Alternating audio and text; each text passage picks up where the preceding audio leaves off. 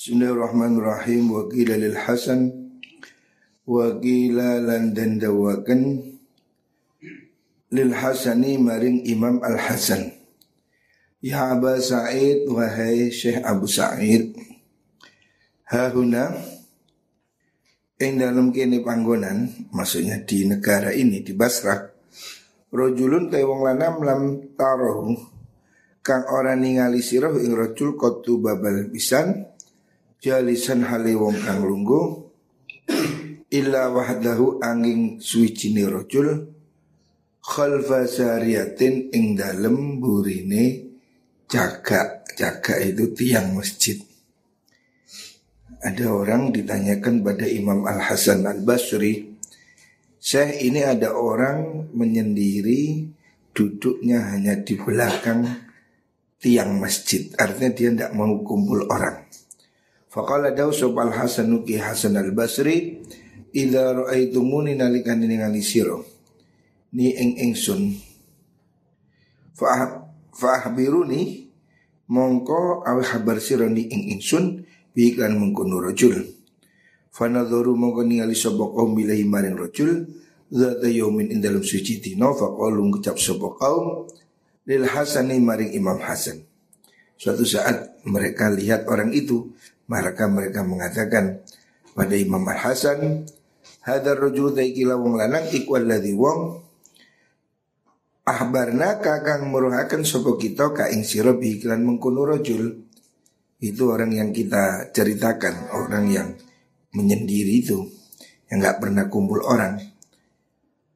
Wa syarulan isyar sopo kaum ilaihim badeng rojul Famadha muka liwat ilahi maring rojul sop al hasanu Imam al Hasan wa qala dawu sop al Hasan lahu maring rojul ya Abdallah wahai kaulane Allah. Arokan ningali ingsun ka ing sira? Kot habab ta temen hubib Kot hubibat temen den demenaken ilai kamaring sira opal uzla tu uzla? Fama mengkote apa iku yamna'u nyegah apa maka ing sira? Min mujalat nasi saking lelungguhan maring menungso. Orang itu ditanya oleh Imam Hasan. Hei pemuda, kamu kenapa kok diem sendiri nggak mau kumpul orang? Fakola ngucap sopo rajul amrun. Ai nikwau ani opo amrun. Amrun iku perkara. Syagolani kang nungkulaken opo amr ni ing ingsun anin nasi sangi menungso. Orang itu ditanya kenapa kamu nggak kumpul orang? Dia jawab saya sibuk sesuatu. Kala dawu sopa Hasan, fama nauka. Fama mongko te apa iku nauka nyegah pemakai siro. Anda tiang itu nekani siro hadar rojul ingin kila wong lanang. Alladhi yuqalu kang rindu jabakan lahu kuti rojul op al Hasanu. Kiai al Hasan. Fata jelisa mongko lunggu siro ilahi maring hadar rojul. Kala ngucap mengkuno rojul amrun Eh mahni mana ani amrun Ono perkoro Sagolani kang nungkulaken ni ing ingsun anin nasi sangi menungso Dia alasannya saya nggak bisa kumpul siapa pun Kenapa kamu nggak mau kumpul Imam Al Hasan? Saya ada sesuatu yang sibuk yang sagolani aninas yang membuat saya nggak bisa kumpul sama orang. Wa anil Hasan yang sanging Imam Al Hasan. Bahkan duduk kepada Imam Al Hasan pun saya tidak tidak punya waktu. Jadi dia mengaku sangat sibuk. Padahal Imam Al Hasan ini tokoh yang terkenal. Tapi dia ditanya kenapa kamu nggak mau ngaji pada Imam Al Hasan? Saya sibuk. Ada urusan yang membuat saya sibuk, tidak sempat ketemu orang ataupun ketemu Imam Al Hasan. Fakallah menjawab maring rajul Hasan Imam Hasan. Wa ma dalan ing opo Wa ma ing opo ku opo Zaka utai zaka syughlu Utai mengkono kerepotan Yarhamu kamu kaum kemelasi kain surah Allah Allah. Kesibukanmu itu apa sih? Kok kamu gak bisa kumpul sama orang Gak mau bisa ketemu ketemu Imam Al-Hasan? Dia jawab Faqala ngucap sebuah rajul Ini sudah ingsun iku as Iku asbahu. Manjing ing isu sopo ingsun wa amsalan mangin suri insun baina nikmatin antara nikmat wa dzambin lan tusu. Fora itu mongko ningali insun an asghala ing yen to nungkulaken ingsun. Nungkulaken itu menyibukkan. Saya ini pagi sore selalu dalam kondisi nikmat dan dosa. Artinya hidup ini banyak masalah, banyak dosa. Maka saya merasa saya harus bersyukur pada Allah, saya sibuk kepada Allah sehingga saya nggak perlu sibuk pada manusia. An uzrila yang nungkulakan ingsun nafsi ing awak ingsun bisyukrillah kan syukur maring Allah. Saya merasa lebih penting saya sibuk ibadah syukur pada Allah ala nikmati ingatasi nikmat karena sudah mendapat nikmat wal istighfari lan jaluk ngapura mohon maaf minadzambi sanging dosa. Jadi orang itu mengatakan saya maaf tidak bisa kumpul-kumpul orang, tidak bisa kumpul-kumpul sama Imam Al Hasan karena saya sibuk. Apa itu? Saya sibuk berpikir tentang nikmat. Allah memberi saya nikmat setiap hari, ya, nikmat iman, nikmat sehat. Dan saya ini merasa banyak dosa. Sehingga setiap hari saya sibuk bersyukur dan beristighfar. Maka saya nggak sempat ngurus yang lain. Faqala ngucap lahu maring rajul sub al Hasan Imam Hasan anta utai ya Abdullah kaulani Allah iku afqahu luh ngalim fikih. Indi saning ingsun minal hasani Saking timbang Imam Al-Hasan.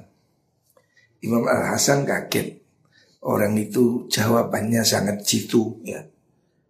Dia betul-betul tidak bisa kumpul manusia karena sibuk istighfar dan sibuk bersyukur Maka Imam Hasan mengatakan Wah kamu ini lebih pintar dari Al-Hasan Al-Hasan ya Imam Hasan itu sendiri Artinya Imam Al Hasan itu padahal orang yang sangat terkenal, masyhur, ya, ulama besar.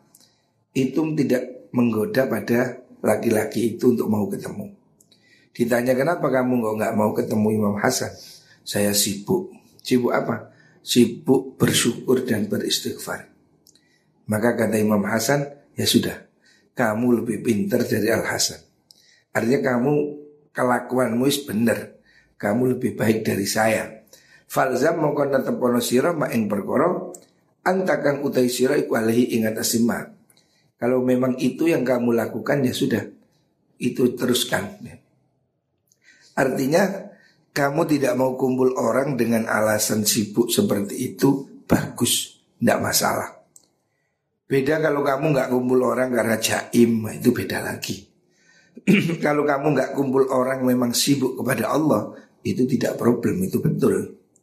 Wakilan dan dawakan Apa bayi nama yang dalam suci waktu Uwais Al-Qarni uta Imam Uwais Al-Qarni Iku jalisun wong kang lungguh Suatu saat Imam Uwais Al-Qarni duduk Id atau nuli tekohu ing Uwais Sopo Harumun bin Hayyan Imam Harum bin Hayyan Faqala daw lahu maring aniku wau Uwais Al-Qarni lahu maring Harum bin Hayyan Sopo Uwais ye Uwais Maja abika Mau te opo iku jaa teko apa mabika kawan siro Jadi Uwais Al-Qarni ini wali yang terkenal yang hidup di zaman kanjeng Nabi.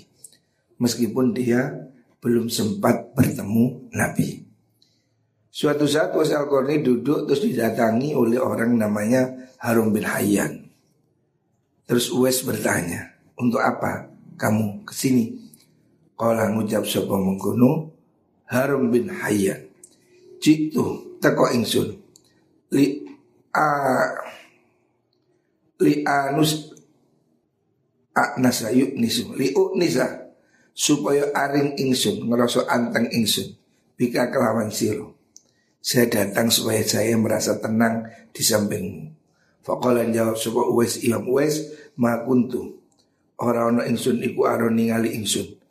Anahadan sutin wong suci. Iku ya arifu kenal. Wuru sopo abad Rabbahu sopo ahad Rabbahu ing pengeran ahad. Faya nasu mongko dadi aring. Aring itu merasa anteng sopo ahad. Bilwairi kelan liyane mengkuno Rabbahu. Jadi Was al-Qurni itu wali yang sembunyi. Sehingga orang-orang tidak tahu Kalau Was al-Qurni itu wali. Sampai Rasulullah Wasallam berpesan pada sahabat Nanti kalau kamu ada orang Yaman Cirinya seperti ini namanya Uwais Al-Qarni Itu kamu minta doa. Itu hamba yang disukai Allah Ternyata sampai zaman Sayyidina Umar Orang itu baru datang ke Medina Ditanya-tanya-tanya ketemu Orang-orang tidak ada yang kenal Orang Korni, Korni itu nama daerah di Yaman Itu dilacak ke sana kamu kenal Uwais Al-Qarni Oh ya siapa itu? Ada di sana Uwais Korni. Itu ya sejenis tukang sampah itu. Orang yang kalau datang tidak dikenal, kalau pergi ya nggak dicari. Bukan orang penting, orang biasa. Jadi Uwais Al-Qarni itu tetangganya menganggap dia itu ya hanya seperti tukang kebun, tukang sampah. Padahal dia itu wali. Padahal dia itu orang yang katanya Allah doanya manjur. Ternyata wali itu sembunyi ya, wali itu sembunyi. Wali yang terkenal itu jarang, yang sembunyi banyak. Suatu saat ada orang datang menulis Al-Qurni terus dia ditanya, orang itu namanya Haram bin Hayyan. Suatu saat Haram bin Hayyan datang menemui menemui Imam Uwais Al-Qarni. Harun bin Hayyan nama seorang ulama juga. Harun bin Hayyan datang menemui Uwais Al-Qarni, ditanya oleh Uwais, ada apa kamu ke sini? Dia mengatakan, saya kepingin tenang berada di sampingmu. Maka Uwais mengatakan, aku tidak tahu ada orang yang kenal pada Tuhannya kemudian merasa tenang di samping selainnya Tuhan. Artinya Uwais mengatakan kamu itu bodoh. Artinya kamu kenapa kok cari tenang di samping saya? Ya. Saya ini kan manusia. Artinya Uwes itu mengatakan kamu itu berarti tidak kenal Tuhan. Kalau kamu kenal Tuhanmu, maka kamu tidak butuh manusia. Ya. Artinya Uwes al ini tidak suka ada orang namanya Harum bin Hayyan kepingin duduk di sampingnya atau menjadi pelayannya Uwais Al-Qarni nggak nggak suka. Dia bilang orang yang cinta Allah, orang yang kenal Allah itu sudah merasa cukup bersama Allah. Dia tidak perlu orang lain. Artinya Uwais Al-Qarni tidak suka kehadiran orang itu. Dan dia menganjurkan supaya orang itu menyendiri bersama Gusti Allah. Jadi wasal Quran itu sembunyi tidak mau disowani, tidak mau didatangi karena dia tidak mau melayani orang. Dia ingin berdua bersama Gusti Allah. Waqala Dausupal Fudail Imam Fudail bin Iyad. Idza ra'aitu nalikan ningali sop ingsun al-laila ing wengi mukbilan halimadab kalau aku melihat malam datang menjelang farih tu moko bunga ingsun bihi kan lail Wa qultu lan ngucap ingsun akhlu persepen sapa ingsun bir abbi kalian pangeran ingsun. Jadi Kiai Fudel bin Iyad mengatakan saya ini kalau ada malam datang itu saya senang. Inilah waktu untuk berdua bersama Tuhanku. Jadi ulama-ulama itu menyenangi waktu malam karena hening, sepi. Dia merasa bisa berdua bersama Tuhan bersama Allah. Wa idza ra'aitu nalikan ningali ingsun as-subha ing waktu subuh adrak adrakani tegese nemu apa subuh ni ing ingsun istarja tu mongko mojo istirja istirja itu maka saya mengucapkan duka mengucapkan inna lillahi wa inna ilaihi rajiun kenapa karahaya talika innas karena sengit ketemu menungso Sebab saya tidak suka ketemu manusia. Wa ayiji anil nyento teko ni ing ingsun sopeman wong yusyghiluni kang nungkulaken ngerepotaken sopeman ni ing ingsun an bisa ning pangeran ingsun. Jadi Imam Fudail bin Iyad ya, itu mengatakan saya ini kalau malam hari datang, kalau malam datang menjelang hati saya senang.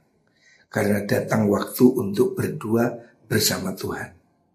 Manusia tidur, dia ibadah. Lah kalau waktu pagi datang saya sedih. Saya mengucap istirja Inna lillahi wa inna ilaihi rajiun Jadi ulama-ulama itu merasa sedih kalau waktu pagi Karena apa? Nanti dia akan ketemu orang, ketemu manusia, ketemu kerepotan, ketemu tamu Yang itu membuat dia sibuk lalai dari Gusti Allah Jadi wali-wali itu tidak senang bersama orang-orang dia lebih senang berdua bersama Gusti Allah. Makanya kalau malam hari tiba dia senang ibadah, sholat. Kalau waktu pagi dia susah, sebab dia akan ketemu manusia, sibuk dengan manusia, kurang konsentrasi pada Gusti Allah. Wakal Dausuf Abdullah ibn Zaid ki Abdullah bin Zaid Tuba Bejo teman. Liman kedhi wong asya kang urip sapa man fid dunya ing dalam dunya wa asyalan urip sapa man fil akhirat ing dalam akhirat. Kila dan ucapakan lahu Abdullah wa kaifa dzalik wa kaifa kaya apa dzalik te mungkono asya niku wau qala dawu sapa Abdullah bin Zaid yunaji munajat sapa wong Allah ing Allah fid dunya ing dalam dunya wa yujawiru lan nyandingi sapa wong ing Allah fil akhirati ing dalam akhirat. Jadi Imam Abdullah bin Zaid mengatakan berbahagialah orang yang hidup di dunia dan hidup di akhirat. Bagaimana maksudnya? Hidup dunia dan hidup di akhirat. Jawabannya yaitu orang yang munajat pada Allah dalam hidupnya. Artinya orang-orang yang mempunyai waktu menyendiri munajat pada Allah di dunia itu dia kan berarti hidupnya bersama Gusti Allah. Nah dia nanti di akhirat akan juga berada di surga di samping Gusti Allah. Makanya berbahagialah orang yang ahli tahajud yang dia itu selalu bersama dengan Gusti Allah. Wakala dawu sebutun al-Misri wurudul mukmin sururul mukmin utai bungai wong mukmin waladzatulan zate wong mukmin lezatane wong mukmin ikum fil khulwati dalam persepen bimuda aja tirobihi kelawan munajat maring pangerane menggunu uh, mukmin. Jadi orang mukmin yang sejati ya. Ulama, orang-orang yang ngerti itu merasa senang kalau dia itu sedang munajat. Kenikmatan tertinggi itu ketika dia menyendiri munajat pada Allah. Nah, hanya orang-orang tertentu yang merasakan seperti itu. Jadi sendiri malam bangun sepi, tahajud, sholat, zikir, nangis, berdoa. Nah itulah kenikmatan yang luar biasa. Bagi orang yang bisa melakukan. Ya tidak semua orang ya, merasakan lezatnya munajat dengan Gusti Allah. Justru orang-orang biasa itu umumnya bisa munajat kalau sedang sumpah sedih ditagih hutang munajat mau nangis atau apa problem sesungguhnya munajat itu jangan nunggu problem jangan nunggu susah untuk berkomunikasi dengan Gusti Allah. Bahwa kita ini dalam senang pun harus ingat Allah. Supaya kalau susah diingat oleh Gusti Allah. Wakala dia suka Malik bin Dinar Man tesapane wong iku lam yaknas orang ngerosok aring Tidak merasa tenang. Siapa orang tidak merasa nyaman Bimuhadasatillah kelawan wicca apa Munajat muhadasat itu wicoro Berdiskusi bersama Allah Azza wa Jalla. An muhadasatil mahlukin sanging ngomongi Biro-biro makhluk. Yufakot kola mongko temen setitik apa ilmu ilmu neman wa amalan wuto apa kalbu atineman wa dai alan niat niakan sopaman umrahu ing umurin man. Kalau ada orang kok dia itu merasa lebih nyaman ngobrol dengan manusia dibanding ngobrol artinya ibadah menyendiri bersama Allah. Berarti orang itu ilmunya cetek. Orang itu kola ilmu ilmunya cetek Wa ama kolbu dan hatinya buta. Wadoya umroh dan nia-niakan hidupnya. Orang yang tidak merasakan lezatnya munajat pada Allah itu seakan-akan tidak ada guna hidupnya. Jadi kita ini harus ada waktu untuk berdiam sendiri bersama Allah. Kita ini jangan sibuk guyon, tertawa, jagongan. Harus disiapkan waktu walaupun sedikit malam bangun istighfar. Ya Allah. Munajat, munajat maksudnya berbisik. Ya Allah, bahasa Jawa boleh. Ya Allah, saya penuh dosa. Ya Allah, ampuni saya. Bahasa Madura, bahasa apa pun beristighfar, berdoa. Ya. Orang-orang yang tidak merasakan kenyamanan bersama Allah, artinya kenyamanan dalam tahajud, dalam sepi itu, maka itu ilmunya rendah. Berarti ilmunya sangat rendah. Atau hatinya buta. Ya. Nah, kita kita ini harus introspeksi. Kalau kita ini belum bisa merasakan lezatnya munajat, menyepi, zikir, pejamkan mata, menangis, bersujud. Kalau kita belum bisa begitu, belum ada waktu untuk berdua bersama Allah, berarti ilmu kita sangat dangkal atau hati kita sudah buta. Ya ini harus dilatih, harus dilatih kepekaan nurani. Kita ini mesti latihan. Kalaupun tidak setiap malam ya, seminggu sekali, seminggu dua kali belajar tahajud dalam sepi, sholat, zikir, istighfar, rasakan kehadiran Allah di dekat kita, rasakan Allah di samping kita. Itu harusnya, harus ada pengalaman rohani. Itu. Kalau enggak kita ini sibuk guyon, tulinan, tidak ada arti hidup kita. Moga-moga kita dibuka hati oleh Allah Subhanahu wa taala.